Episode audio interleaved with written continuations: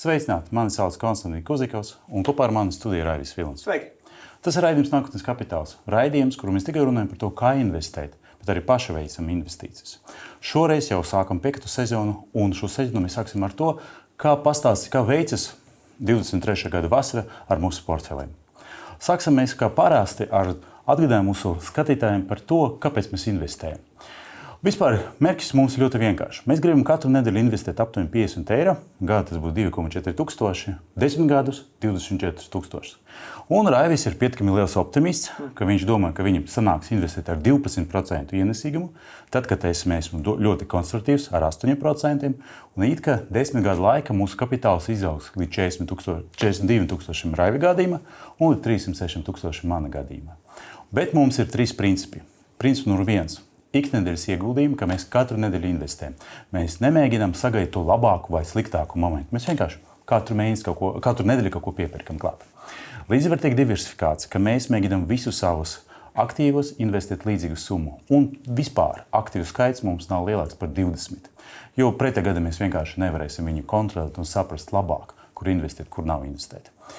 Un galvenais mūsu uzdevums ar Raivi motivēt Latvijas iedzīvotājus investēt vairāk, vai ne? Mm -hmm, Jo pēdējos gados mēs pamanījām to, ka Igauni ir ļoti aktīvi, arī lietuvieši sāk vairāk un vairāk investēt, kamēr vēl latvieši ir kutri. Apmēram 7% jaunākie dati eh, no Latvijas bankas liecina. Un, ja es nemaldos, apmēram 30 miljardi stāv uz Latvijas bankas kontiem, kas nav izmantoti. Mm -hmm. Bet, ja mēs sāksim investēt, mūsu kapitāls izaugs un mūsu labklājība arī izaugs.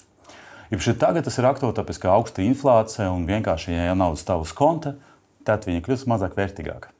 Bet šogad pie mums arī piebiedros trešais investors. Jo pēdējā laikā visi runā par robotiem, ka viņi nāks mūsu pasaulē, tur čāģipiti un tā tālāk. Un kā arī mums pievienojas viens investors, kas ir īstenībā ir SEB robo investors. Un mēs mēģinām ar Rāvim arī saprast, vai desmit gadu garumā mēs tomēr, kā cilvēki, kur dažreiz veids emocionālus pirkumus, varam apspēlēt ļoti tādu nu, mazu uh, emocionālu robotu Pagaidām mums izdodas, manuprāt, ļoti slikti. Ja mēs paskatīsimies uz to, kā robots performē, tad var redzēt sekojošas tendences, ka viņš ir plusa, jau 2,72%. Vasaras pat bija moments, kad bija gandrīz 4,5%, kas, manuprāt, ir ļoti labi, ņemot vērā to, ka Sebroba investīcija pie mums piebiedrus tikai šogad pavasarī. Un, un tas, ka viņš investē ETF-os, kas ir nu, vidējā temperatūra tirgu, nevis maksimums, nevis zemākais punkts, bet kaut kur pa vidu. Tas arī ļoti interesanti. Ņemot vērā to, ka tur nav ļoti reti, ka tur kaut kāds maksimāls ienesīgums. Uh, ir pieci ETF. Uh, nu, tiem ļoti labi performē pēdējā laikā ASV ETF, bet tas pirmais ETF, kas ir sarkanais zona, uh, tur ir Ķīnas, Taivānas un Indijas akcijas. Un, ja vēl gadas pārstāvja sākuma vēl bija viss kārtībā, arī bija zaļa zona un arī bija ar pozitīvu ienesīgumu, tad jau pēdējā laikā ir kritums. Arī ļoti interesanti, ka Japāna performē ļoti labi, bija pat gandrīz 10% ienesīgums, kas, manuprāt, ir ļoti labi, ņemot vērā to, ka mēs faktiski sākam uh, izmanto Sebrobu investori tikai šogad uh, aprīlī un jau 10% kapitāla izaugsme. Bet tomēr pēdējā laikā arī ir kritums, joprojām ir zaļa zona, bet tomēr nav tik labi, kā bija. Nu, un Eiropa. Eiropa arī ir tāds. Nu, un tiem radiniekiem, kas dzīvo tālu un vienmēr neveiksmīgi, tā, tā arī ar Eiropu sanāk kaut kas līdzīgs. Gan Āzija, gan ASV performē labi, bet Eiropas, diemžēl, ETF neprot tik labi. Tas arī saistīts ar to, ka centrāla banka palielina likmes, kā arī, ja mēs skatāmies, tad ASV tā saucamā recesija ir daudz maigāka nekā Eiropa. Un kā principā visa pasaule tomēr skatās uz to, kā vai nu mēs investējam ASV tirgu vai uzreiz Azijā. Bet, jebkurā gadījumā, ja mēs runājam par investīciju, tad diversifikācija dod ļoti labu ienesīgumu. Un investīcija ir jau vasarā uz šo brīdi 2,72% ir, ir ienesīgums. Kas notika ar manu portfeli? Pirms pārunāt par to, paskatīsimies, kā iet ar SP 500 indeksu. Pirmkārt, tas ir tas saucamais rollerkārs, kā amerikāņu kalniem. Iet uz augšu, iet uz leju. Ja mēs paskatīsimies no šī gada sākuma, it kā viss ir kārtībā, ir 5, plus 5% izaugsme. Un, ja mēs paskatīsimies, tad vēl 31. māja indeks bija 4179 punkti. Tad jau tagad 4411 punkti. Tas ir 5,5% izaugsme, kas, manuprāt, ir pietiekami labi. Ja mēs paskat, paskatīsimies gada griezumu, tad tik un tā ir pozitīvs rezultāts, plus 3,2. Bet viss interesantākais tas, ka gada sākumā daudzi prognozēja, ka būs kritums. Un arī joprojām daudz prognoze par to, ka tas kritums turpinās. Tāpēc, ka vēl joprojām ir recesija, joprojām Ferējas pacēla likmes.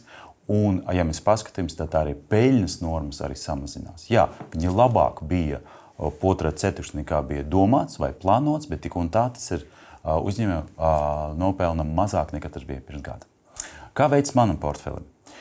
Nu, uz šo brīdi ieguldījis 4950 eiro, no kuriem 3, 4169 ir akciju vērtība un 779 ir obligācijas.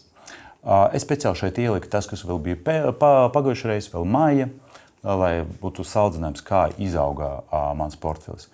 Obligācijas gandrīz dubultojas, bet tās arī mans mērķis, ka es gribētu panākt to, ka 20% no kopīga portfeļa vērtības ir obligācijas.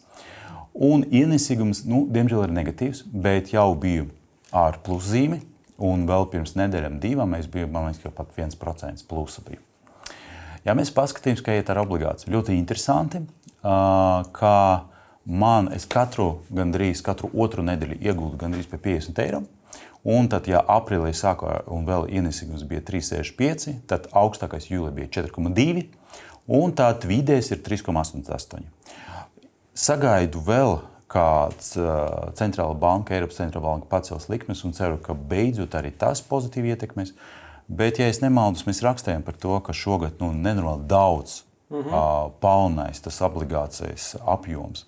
Kaut kāda bija 80 miljoni. Ja jā, jā, pavasarī bija ļoti liels pieaugums. Es tagad precīzos ciparus nenosaukšu, bet salīdzinot ar pagājušo gadu, tas bija uh, milzīga starpība. Un, uh, visticamāk, pāris simts tūkstoši mm, pret 80 un visticamāk, ka šī gada vasarā tas skaitlis noteikti ir pieaudzis. Mums uh, nākotnes kapitāla arī drīzumā būs kāds raksts, kas par to arī pastāstīs, cik ir pieaudzis kopš pavasara. Jo uh, visticamāk tā interese ir uh, turpinājusi augt, uh, jo ir visi tie paši faktori, ko tu minēji minēja, vēl aizvien aktuāli. Nu, vienīgais tas, ka bankas ir uh, palielinājušas tās noguldījumu likmes, tas varētu būt. Jā, es salīdzināju, bet tik un tā joprojām valsts obligācijas par 0,5% vai, vai par drusku ir labāki. Plus vēl kāda neizpratne viena būtiskāka lieta. Ka, Tas ienesīgums, ko mēs dabūsim no valsts krājuma obligācijām, netika aplikts ar nodokļiem. Tad, kad ar depozītu likmes tur vajag kas zvaigznes vēl lasīt, ka tas ir pirms apliekāmais pirms, summa pirms, nodokļa, pirms nodokļiem. Nu, vot, un, es noteikti turpināšu investēt valsts obligācijas, bet tad, kad mans portfelis būs aptuveni 1000 eiro no valsts obligācijas, meklēšu kaut ko citu, kā alternatīvu. Tāpēc, ka nevajag, ka saka, visu solis likt viena groza. Pat ja tas ir valsts obligācijas un ļoti drošs. Drošs, drošs, drošs solis. Tev jātiek līdz 8%. Tā ir jau līdz 8% būtiskāka lieta, ka investē tikai uz 12 mēnešiem. -hmm. Jo noteikti pēc 12 mēnešiem es padomāšu par kaut ko citu, par citām obligācijām vai par akcijiem. Mans plāns bija tā, ka es skatījos, ka ETF, kas bija man Interactive Brokers konta, performa slikti, un tā ir viņam alternatīva. Jo dažas akcijas performa ļoti labi. Ja mēs paskatīsimies, kā man vispār veicas pret SP 500 šogad, tad vēl līdz uh, kaut kādam februāra vidum pat mans portfeļu ienesums bija virs uh, SP 500 indeksa. Tad lēnāk, lēnāk, lēnāk SP 500 sāk man apspēlēt. Uh, bija kaut kāda brīdi, kad jau bija starpi gan 10%, bet tieši pēdējā laikā mans portfeļa, uh, portfelis un viņu ienesīgums turās vai ļoti lēni samazinās. Tad, kad SP 500 indeks iet uz leju, mm -hmm. un jau tā starpība jau ir uh, 6%, Un es domāju, ka tā arī būs, ka tomēr tā starpība gada griezumā nebūs tik liela vairs. Nu, par to mēs jau parunāsim decembrī. Ja mēs paskatīsimies, kā, kā performē dažādi segmenti mana portfeļa, tad mājas pret augustu. Ir ļoti laba tendence, gan arī visi segmenti izņemot enerģētiku. Par to mēs arī pārunāsim, kā, kāpēc un kas tas bija par akciju, kur, kas enerģētikas segmentu velk uz leju. Bet kopumā vasarai, manuprāt, ir pietiekami laba. Uh, jau vairāk un vairāk segmenti eh, pienes gan nu, atrust zaļa zona, gan arī tie, kas ir sarkana zona, ka viņa mīnus samazinās.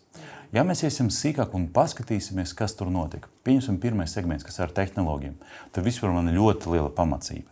Jo no gada sākuma visi tie vislielākais trīnieks performē ar uh, 31% izaugsmu vai 38%, kas vēl bija māja. Bet ja mēs paskatīsimies uz augusta uh, no šī gada sākuma Alphabet vai Google jau 47%. Mm -hmm. Un es vēl janvārī domāju par to, ka man vajag atteikties no tā. Kāpēc? Nu, tāpēc, ka Microsoftam ir ChatGPT, Google nekā nav.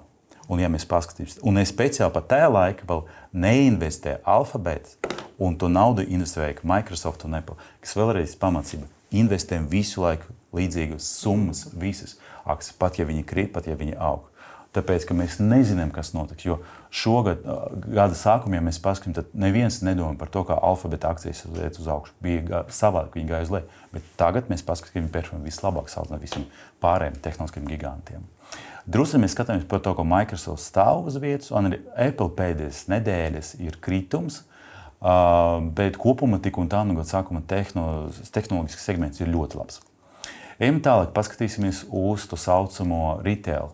Arī izaugsme ir gan Walmart no 6% uz 11%, gan arī Procter Gamble izaugsme.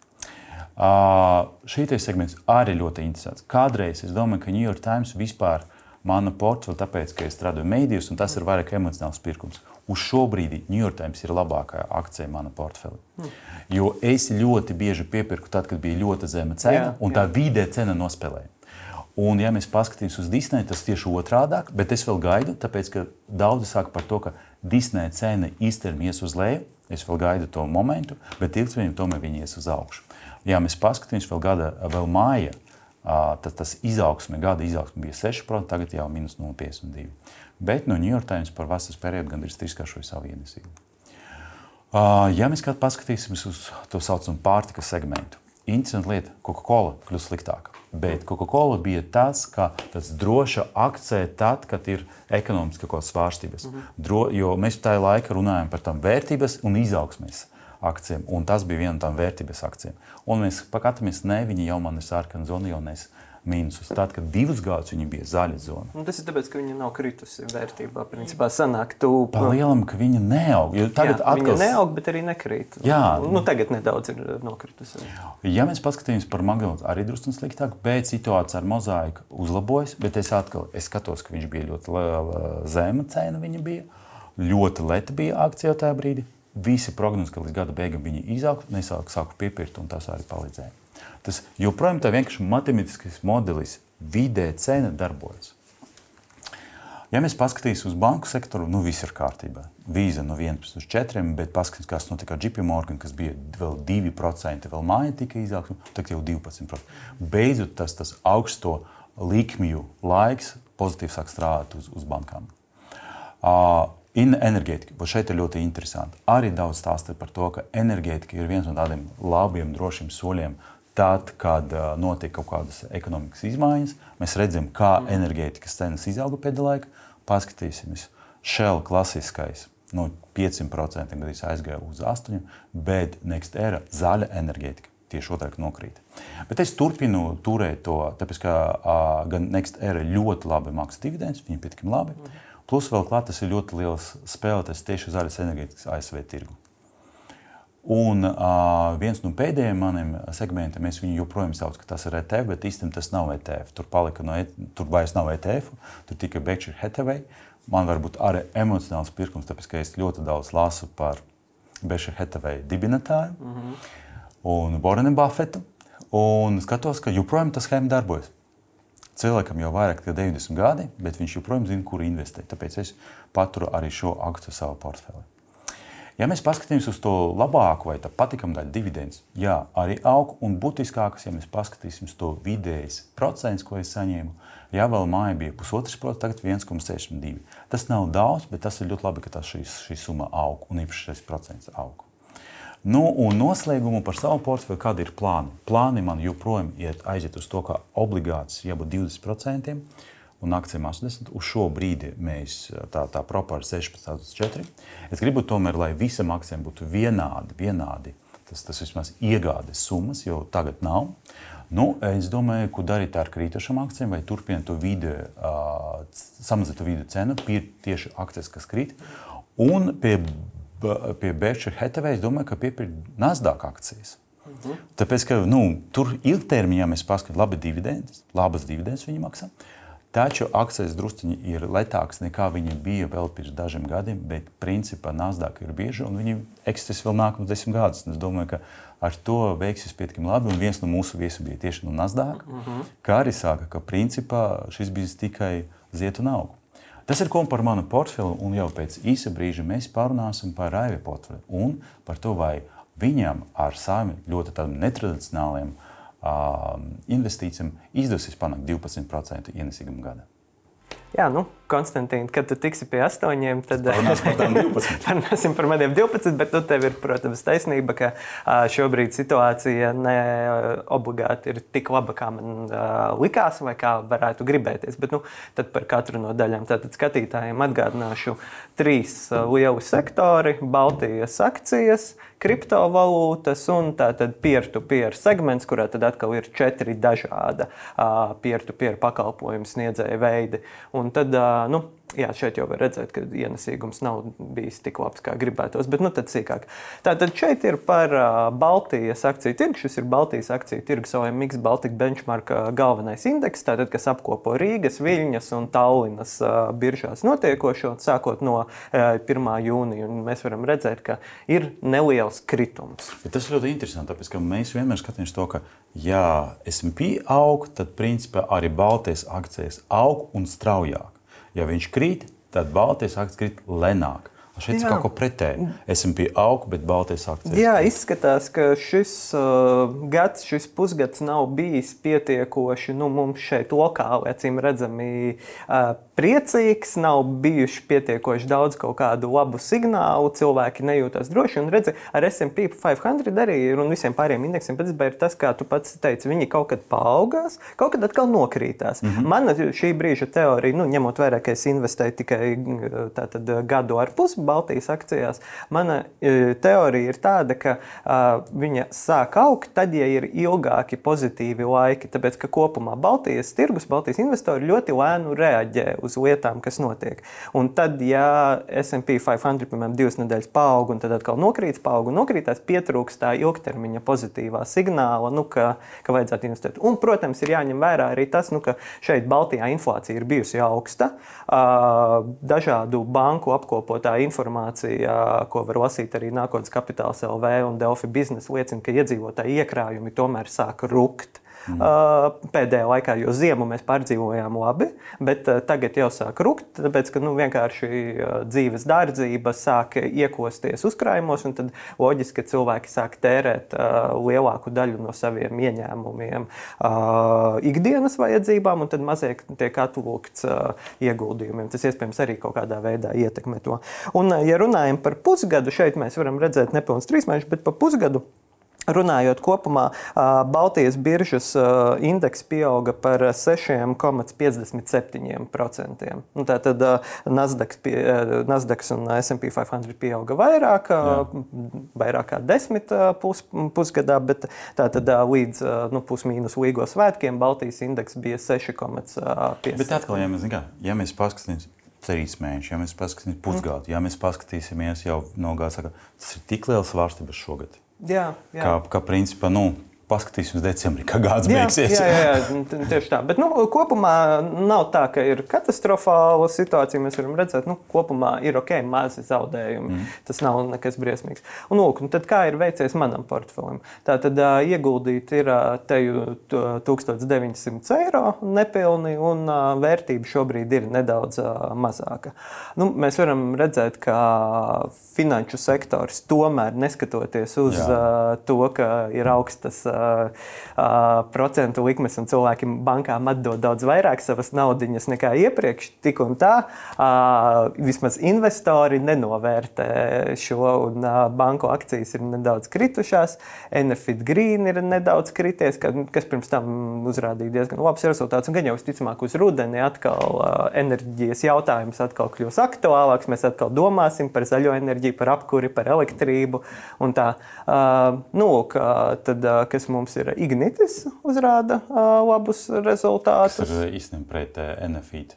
Divi identiski uzņēmumi. iespējams, ka tas saistīts ar to, ko mums arī gan šeit viesi ir teikuši, gan arī nākotnes kapitāla rakstos parādās, ka Igaunijas tirgus jau ir pārvērtēts vai nu, novērtēts mm -hmm. līdz galam, mm -hmm. kamēr Latvija un Lietuva ir interesantāka. Vienkārši bēda tā, ka Latvijā ir, nav īsti kur ieguldīt. Nu, salīdzinoši maz mums ir pieci uzņēmumi, plus mīnus, kuros, kuri investoriem šķiet interesanti, bet pēdējā laikā runājoties ar Igaunu vai Lietuviešu ekspertiem, nu, tomēr acis vairāk krīt uz to Lietuvas tirgu, mm -hmm. viņš ir aktīvāks. Tur ir, ja es tagad nemaldos, kad pie mums viesojās valsts kases un finanšu ministrijas pārstāvji, mēs secinājām, ka tas ir septiņas reizes kapitāla tirgus atšķirība Lietuvā un Igaunijā, tad septiņas reizes aktīvāks, septiņas reizes lielāks. Un tad, attiecīgi, arī iespējams, ka visi investori Baltijā, kuriem ir tā liekā nauda, viņi sāk skatīties uz Ignitis kā interesantu ieguldīšanas iespēju, tāpēc, ka Enefitā visi jau saguldīja iepriekšējos periodos. Nu, Šaurai bankas tas vēl neveicās. Jā, nu,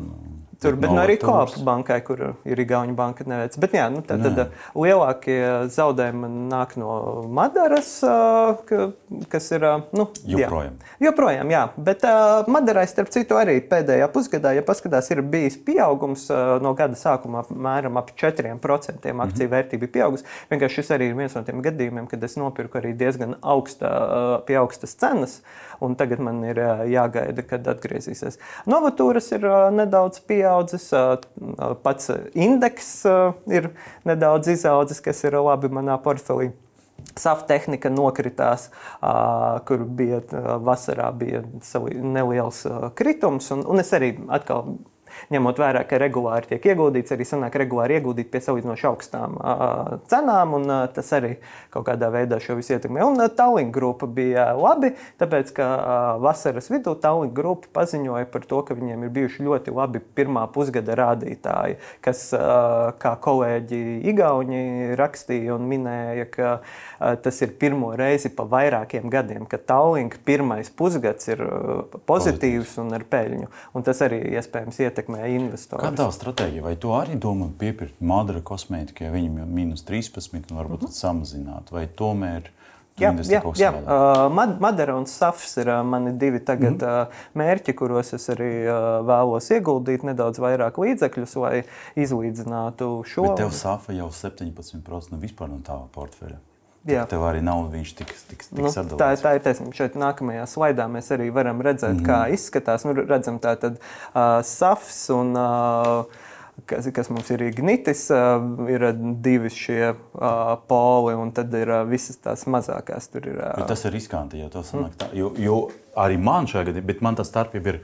Ja es nemaldos, mazākais mm. bija 4%, augstākais bija 5%, bet man ir 17 akcijas. Jā, jā. Kā, kā šeit, principā, būtu pareizāk turēt identiskas investīcijas. Mm. Bet tas ir tev pēc, jā, pēc ieguldītas summas tieši jā, jā, es, jā. Es, es cenšos, jo nu, mēs arī par to esam jau vairākas reizes iepriekšējos raidījumos mm. runājuši. Es kopumā, tad, kad es iegūstu Baltijas tirgu, es skatos gan uz šīm lietām, jā. cenšos palielināt, jo iepriekš man bija vēl lielāks pārsvars Safam, Maderai un Zeldeņam. Tieši Tallinkas tagad aug, tev ir vismazākais procents, jā. jo no tā tu uzvarēji vairāk. Nu, bet, jā, nu, jā, okay, tur, ir... tur ir arī tāpēc, ka ir tā milzīgā akciju cenu atšķirība. Tallinka akcijas maksā centus, kamēr Madara, Safs un vēl vairāk ir 11 uh, eiro. Netiecīgi tas ietekmē. Bet, nu jā, lēnā garā.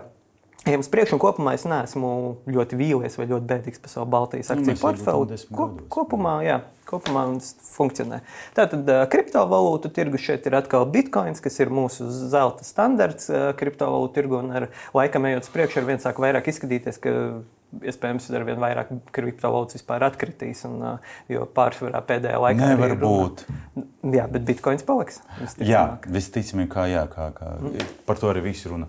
Bet, nu, ko tu darīsi? Vai tu paliksi tikai ar bitkoinu? Uh, nē, pagaidām es noteikti vēl netaisos neko pārdot. Nākamajos slaidos arī parādīšu, kā izskatās mans ēterum un solanas uh, apjoms. Bet, uh, jā, nu šeit mēs varam redzēt, ka bitkoins kopš vasaras sākuma ir arī nedaudz zaudējis, bet nu, kopumā ir bijis diezgan nemainīgs. Un uh, Bloomberg analītiķi jā, bija aprēķinājuši šonadēļ, ka 90 dienu periodā šis ir vismierīgākais, visnesvārstīgākais bitkoina uh, periods kopš 2016. gada.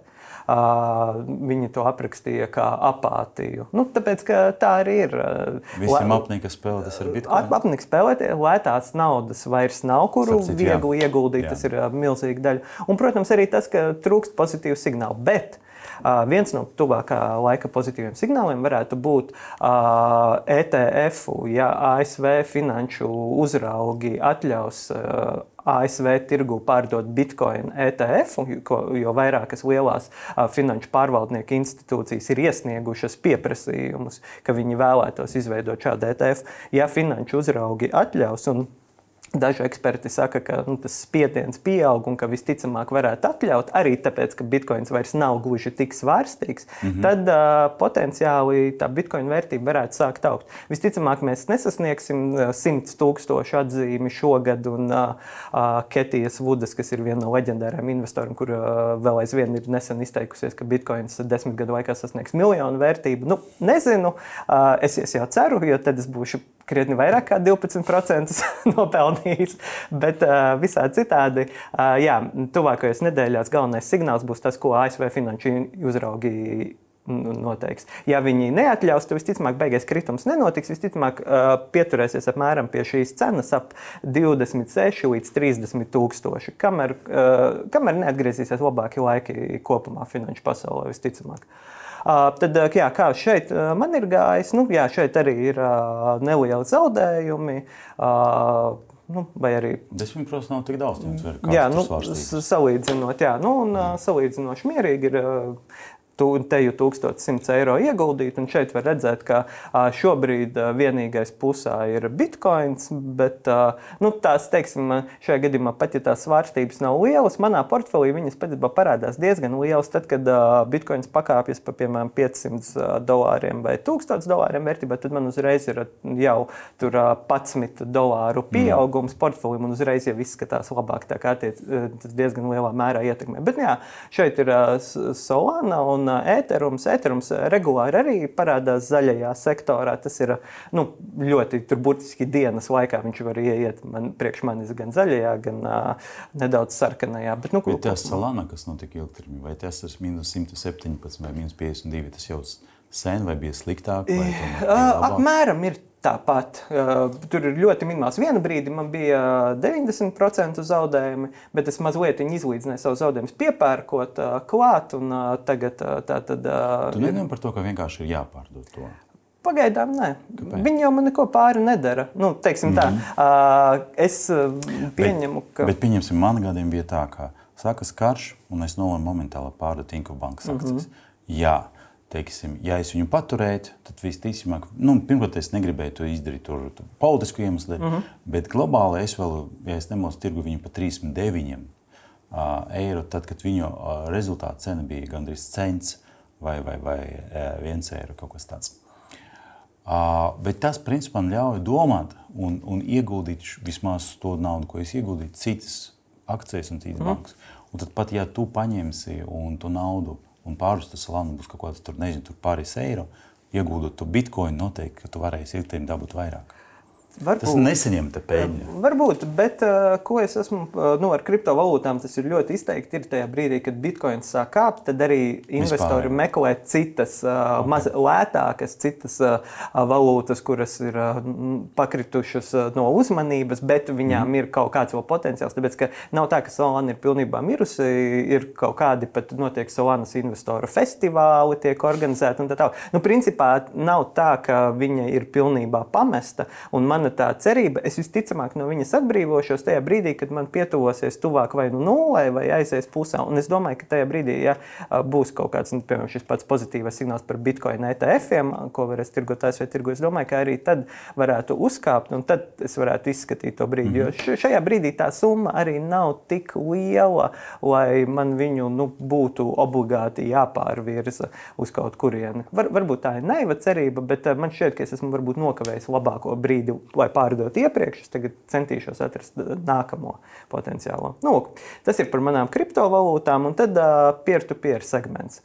Uh, šeit apmēram kā jau es uh, principā visu pēdējo pusgadu stāstu, nu tad peer-to-peer segments uh, gada sākumā pavasarī sāka izjust lielāku spiedienu uzņēmumiem un arī cilvēkiem, aizņēmējiem palika ar vien grūtāk atdot. Tad inflācija, sadārdzinājums visam palika ar vien grūtāk. Un tad tas arī tiešā veidā ietekmē. Mans lielākais problēma ir State Guru, Vācijas uzņēmumi, kur apmēram situācija arī tāda kā palikusi. Ka pieci uh, manas investīcijas ir iesaldētas, kas ir Vācijā. Un, un es teicu, guru strādā. Mums arī pirms uh, apmēram mēneša bija intervija ar Latvijas teicu, guru pārstāvu Aleksandru Mešpuķu, kurš arī godīgi stāstīja, nu, ka uh, tas ir lēns process, tas ir ilgs process, bet nu, viņi pie tā strādā, viņi atgūst naudas. Viņi nesen bija atguvuši, es tagad baidos samot, bet apmēram miljonu no Spānijas tirgus, kur radās līdzīga situācija.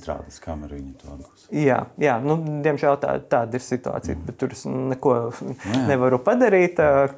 Visas investīcijas ir risks, mēs uzņemamies risku ieguldot, un pagātnes pozitīvie rezultāti neliecina par to, ka nākotnē varētu iet labi.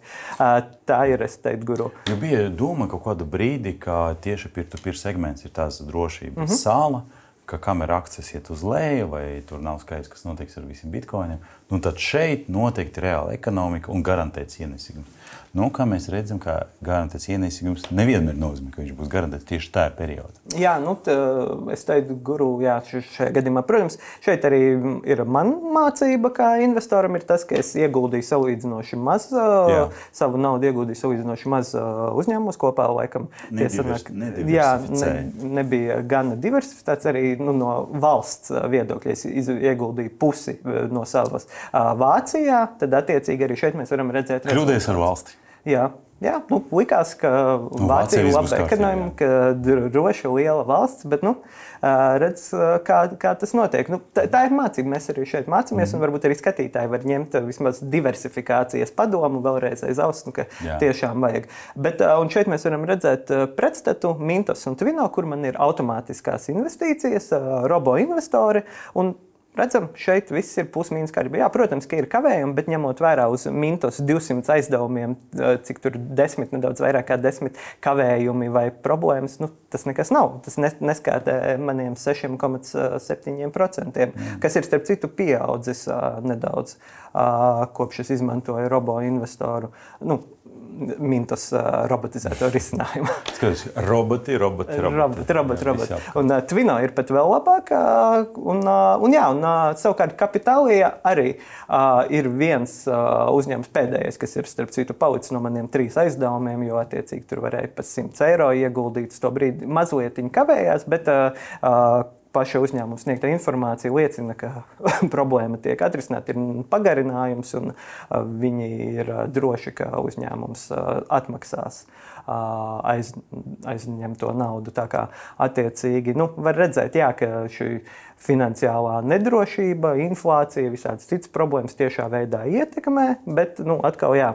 Mintas Twino, kas aizdod teorētiski iespējams visnedrošākajā segmentā, jo nu, tie ir principā patēriņa kredīti un mm -hmm. īstermiņa aizdevumi, kuri, kā mēs zinām, ir bieži vien problēmas cilvēkiem Jā. atdot, un bieži vien tie tiek izsniegti arī ne obligāti tiem cilvēkiem, kuri var atmaksāt. Ne, lai gan, nu, protams, ir uzlabojušās tās vispārbaudas, bet nu, mēs zinām, ka, ka dažkārt nauda tiek aizdot arī cilvēkiem, kuriem varbūt finansiāla situācija nemaz neatļaut aizdot, un tradicionālā banka nekādā gadījumā neaizdot šo naudu. Bet nu, mēs redzam, tie strādā vismaz šobrīd pagaidām. At, attiecīgi redzēs, kā ar dzīves dārdzību un problēmām nākamā gadā būs nākamā pusgadā. Šobrīd ir ok. Kā, jā, tas ir ļoti interesanti, ka nu, stabilais nekustamie īpašumi uzrāda sliktāku rezultātu. Bet nu, diversifikācija, diversifikācija, diversifikācija un vēlreiz diversifikācija. Un tad tālāk. Uh, jā, tā kā tad nu, mums ir gājis, kurš ir bijis veiksmīgāks investors. Atgādināsim, kā gāja iepriekšējā mēnesī.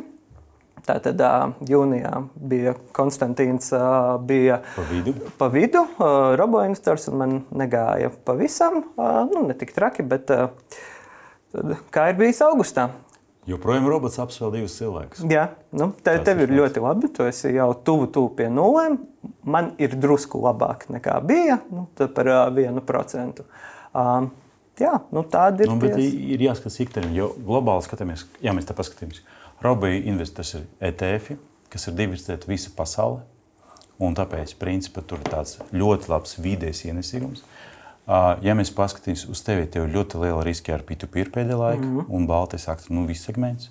Nu, mans portfelis ir ASV akcijas, jo tur kā pa vilniem. Jo tās trīs akcijas, kas man ir, Mozaika, Disney un tagad Next Energy, visu velk uz leju. Ja viņu mhm. nebūtu, Tad, tad, un, manuprāt, tas ir pietiekami labs rezultāts, ka no 17 akcijiem tikai 3 ir sarkana zona, bet vispārējais mm. ir zaļš. No obligācijas tev noteikti arī ir. Jā, labi. starp citu, jā, jā, jo vairāk es ieguldu obligāciju, jo vairāk tas, tas tuvojas tai nulli. Bet no otras puses, es arī šaubos, ka ilgtermiņā mēs ieraudzīsim lielas izaugsmes, tādas nenormālas, ekstrēmas izaugsmes. Gan pie mana portfeļa, gan es domāju, ka pie roba investora. Es domāju, ka tieši tu vari viņu sagaidīt. Bet vai tas notika desmit gadu griezumā? To mēs nezinām, jo mēs nezinām, kāda tagad mēs ekonomikas uh, fāze esam. Nu, paldies mūsu skatītājiem, ka jūs bijāt kopā ar mums. Tas bija tāds neliels apskats par to, kā mums gāja vasarā. Un mēs sākam šo jaunu sezonu. Noteikti būs jauna viesi. Noteikti mēs runāsim par obligācijām, par akcijiem, par peer-to-peer platformu un noteikti arī par uh, bitkoiniem un pārējiem digitālām valūtām. Un būs viesi, kas runās par savu pieredzi, kā viņi veic ar savām investīcijām. Būs arī tie, kas mēģinās kaut ko prognozēt uz nākotni. Jo galvenais mūsu uzdevums šo raidījumu panākt to, lai jūs būtu daudz drošāki par savām investīcijām un arī veikti savus nākotnes kapitālus jau tagad. Paldies jums un tiekamies pēc nedēļas! Vislabāk!